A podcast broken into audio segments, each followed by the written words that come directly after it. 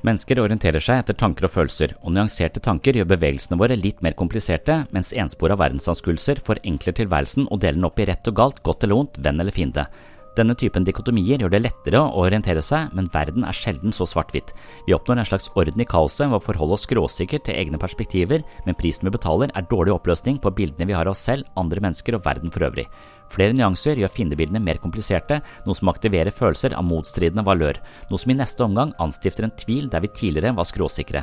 Det er vanskelig å ta avgjørelser og føle seg trygg på gyngende grunn, og derfor er mennesker tiltrukket av enspora konspirasjonsteoretiske forklaringer. Noen er skråsikre fordi de har gjort hundrevis av timer med research, men de har gjort det på internett. De har trålet nettet for informasjon, men algoritmene har sørget for at de kun finner stoff som understøtter det de tror fra før. Det er som å gå til et bibliotek med en korrupt bibliotekar som kun viser deg én type litteratur. Du leser og leser, men utvider ikke horisonten din. Hør mer i episode 28 på patron.com for seg sinnssyn.